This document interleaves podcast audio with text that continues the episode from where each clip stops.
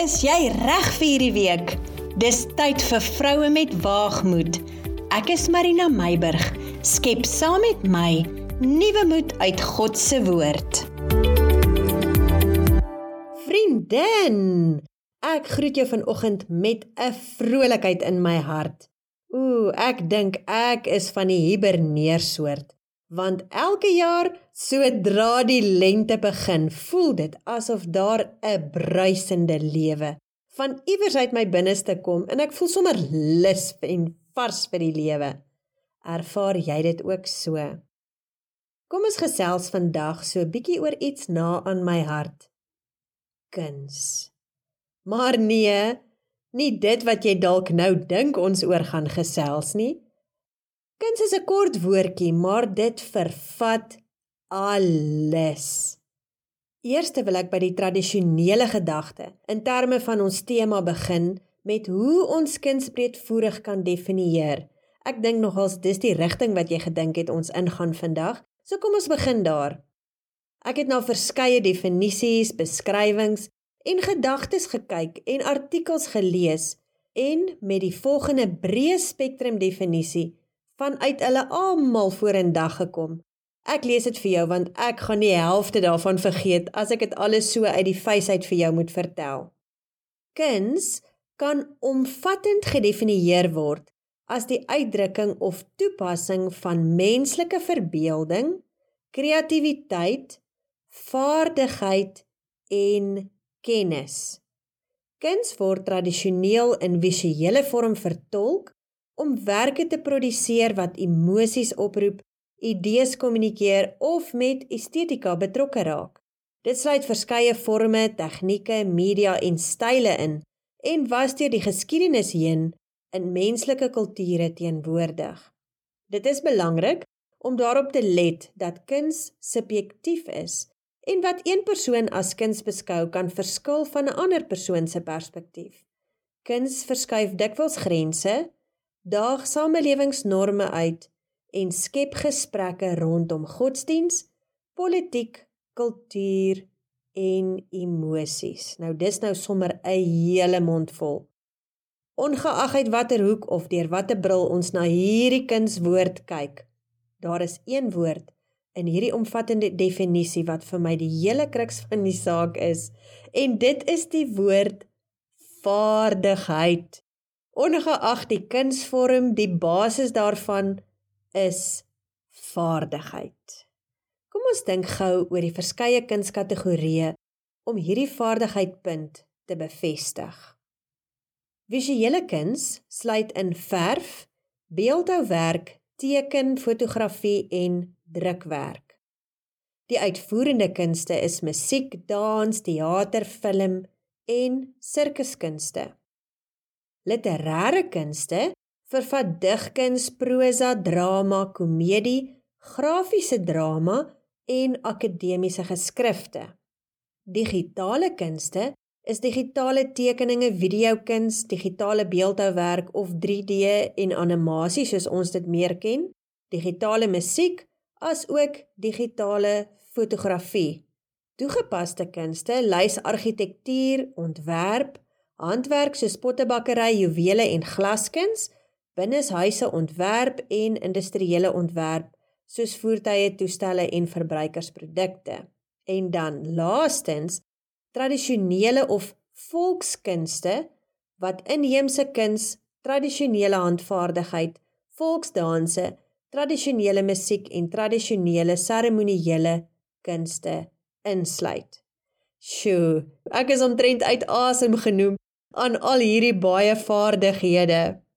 Maar uit al die genoemde staan daar vir my net een woord uit, soos ek reeds genoem het, en dit is vaardigheid. Iemand moet vaardig wees in enige van die hoofkunsafdelings wat ons genoem het of wat elkeen onderskryf voordat dit as kuns aanvaar kan word. Nou jy weet, hier het die spreekwoordelike liggie in my gedagtes aangegaan. Maar kyk, daar het nie net 'n liggie aangegaan nie. Daar het sommer 'n hele dorp se straatligte vir my aangegaan. Enige mens kan 'n vaardigheid aanleer, is ek reg? Maar die verskil tussen vaardigheid en kuns is talent.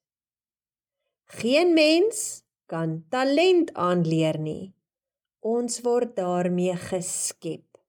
Dis kan ons sê dat deur die kombinasie van talent en vaardigheid ware kunstenaarskap geleef word. Het jy mooi gehoor wat ek sê? Ons sonder baie keer kunstenaars uit as eksentriek en soms selfs 'n bietjie weird. Maar hoe reg is dit eintlik as ons dit so sê van hulle? Want hulle leef ware kunstenaarskap uit. So ek dink eintlik is hulle reg. In Eksodus 35 vers 30 tot 35 lees ons: Daarop het Moses aan die kinders van Israel gesê: "Kyk, die Here het Basaleel, ek hoop ek sê dit reg, die seun van Uri, die seun van Hur van die stam van Juda, by sy naam geroep." En hy het hom met die gees van God vervul met wysheid, met verstand en met kennis en bekwaamheid vir allerlei werk en om kunstige planne uit te dink om die uit te voer in goud en silwer en koper en deur snywerk in stene wat ingelê moet word en deur houtsnywerk om werksaam te wees in allerhande kunsarbeid. Hy het dit ook in sy hart gegee om ander te onderrig aan hom en aan Oholiab, die seun van Ahisamag van die stam van Dan.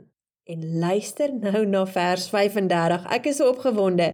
Hy het hulle vervul met kunsvaardigheid om allerhande werk te maak van 'n ambagsman en 'n kunstenaar en van 'n bewerker van veelkleurige goed in pers en purperrooi en bloedrooi stowwe en fyn linne en van 'n wewer hulle wat al die werk moes verrig en kunstige planne moes uitdink. Het jy geweet dit staan in die Bybel?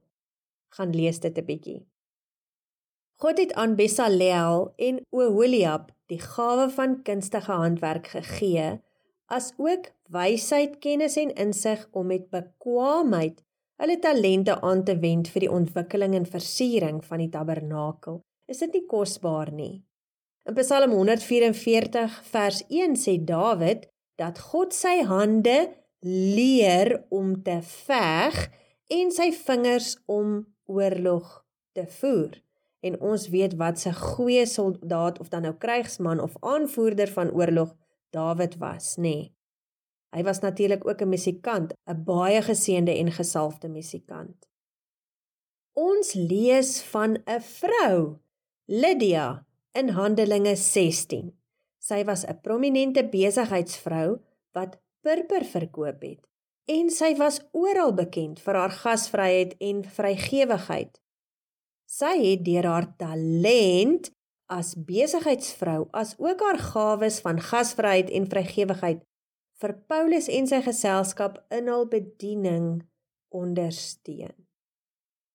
Nog 'n vrou, Tabita in Handelinge 9.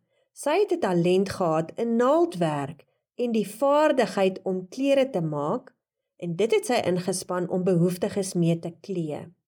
Sy word siek en sterf en die Here wek haar op uit die dood deur Petrus se bediening wat 'n geweldige impak gehad het oor God se krag weens haar bekendheid omdat sy soveel mense se lewens aangeraak het.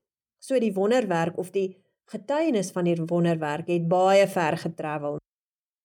As ek na hierdie vier voorbeelde kyk en daar is nog baie ander in die Bybel, kan ons sê dat kunsvaardigheid vanuit God gegeewe talente 'n vorm van aanbidding is. Hoekom sê ek so? Wat ons van God ontvang het, gee ons terug aan hom deur mense se lewens daarmee aan te raak en dit ook dan so tot eer en verheerliking van God se naam. Wanneer ons ander mense seën met ons talente, bring ons iets mooi kuns na hierdie wêreld. Ons maak 'n positiewe bydrae aan die samelewing en leef daardeur ons doel op aarde uit terwyl ons ons Skepper wat daardie talente aan ons gegee het, daarmee vereer. Is dit nie wonderlik nie? 'n Sirkel wat homself voltooi. Vriendin, luister nou bietjie mooi. Nou praat ek met jou. Wat is jou talente? Het jy 'n talent in taal of as 'n spreker? Het jy 'n talent in handvaardigheid? 'n Talent in kos maak of om te bak? 'n Talent om besigheid te doen? 'n Talent om gasvry te wees en mense welkom te laat voel? Wat van 'n talent om ander te leer? Het jy 'n talent om te luister? 'n Talent om vir almal lief te wees met 'n hart soos 'n taxi wat altyd plek het net vir nog een en nog een.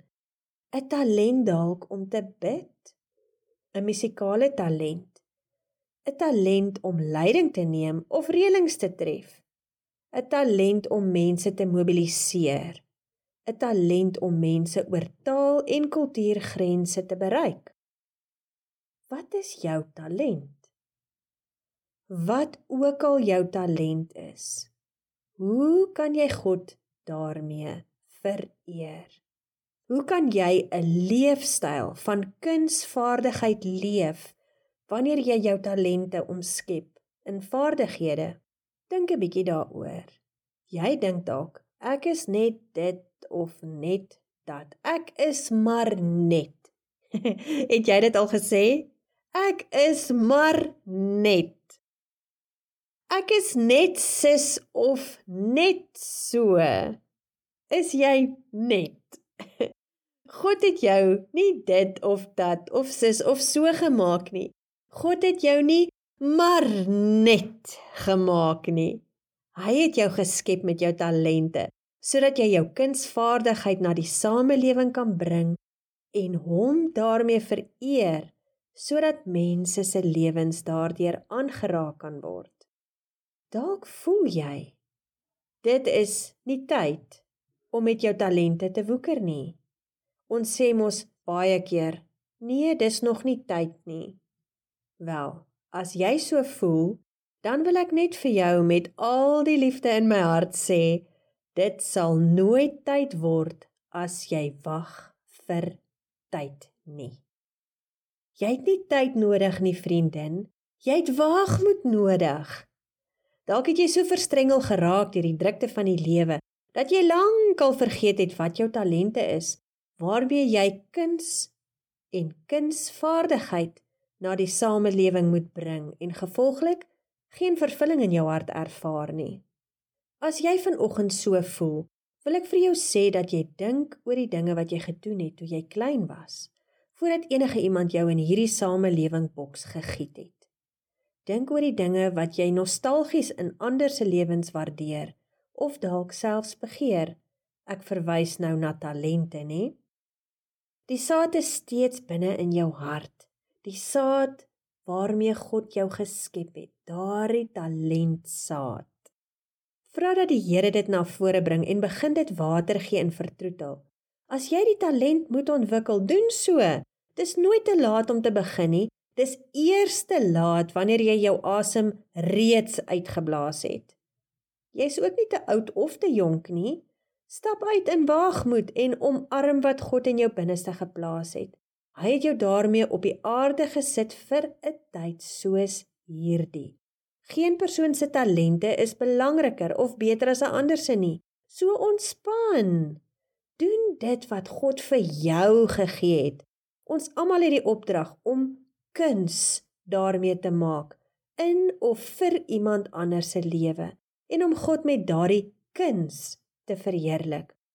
Hy is die skepper daarvan in jou lewe en hy moet die eer daarvoor kry deur jou lewe. Vrou van waagmoed, ek wil graag hoor wat jy vir die Here doen met jou talente. Los 'n bietjie 'n kommentaar onder of stuur vir my 'n boodskap of 'n e-pos. Ek wil so graag hoor watter kuns God deur jou lewe in jou gemeenskap of in die wêreld om jou doen. Kunsvrou Vrou van waagmoed, as jy 'n stampie in die regte rigting nodig het, dan gee ek jou spreekwoordelik 'n skoppie onder jou stert. As jy van die soort is wat uitgedaag moet word, dan daag ek jou vanoggend uit. As jy van die soort is wat aanmoediging van die paviljoen af nodig het, dan skree ek luidkeels van die paviljoen af: "Hou bene, hou!" As jy 'n drukkie van bemoediging nodig het, dan druk ek jou styf vas vanoggend met alles wat in my is.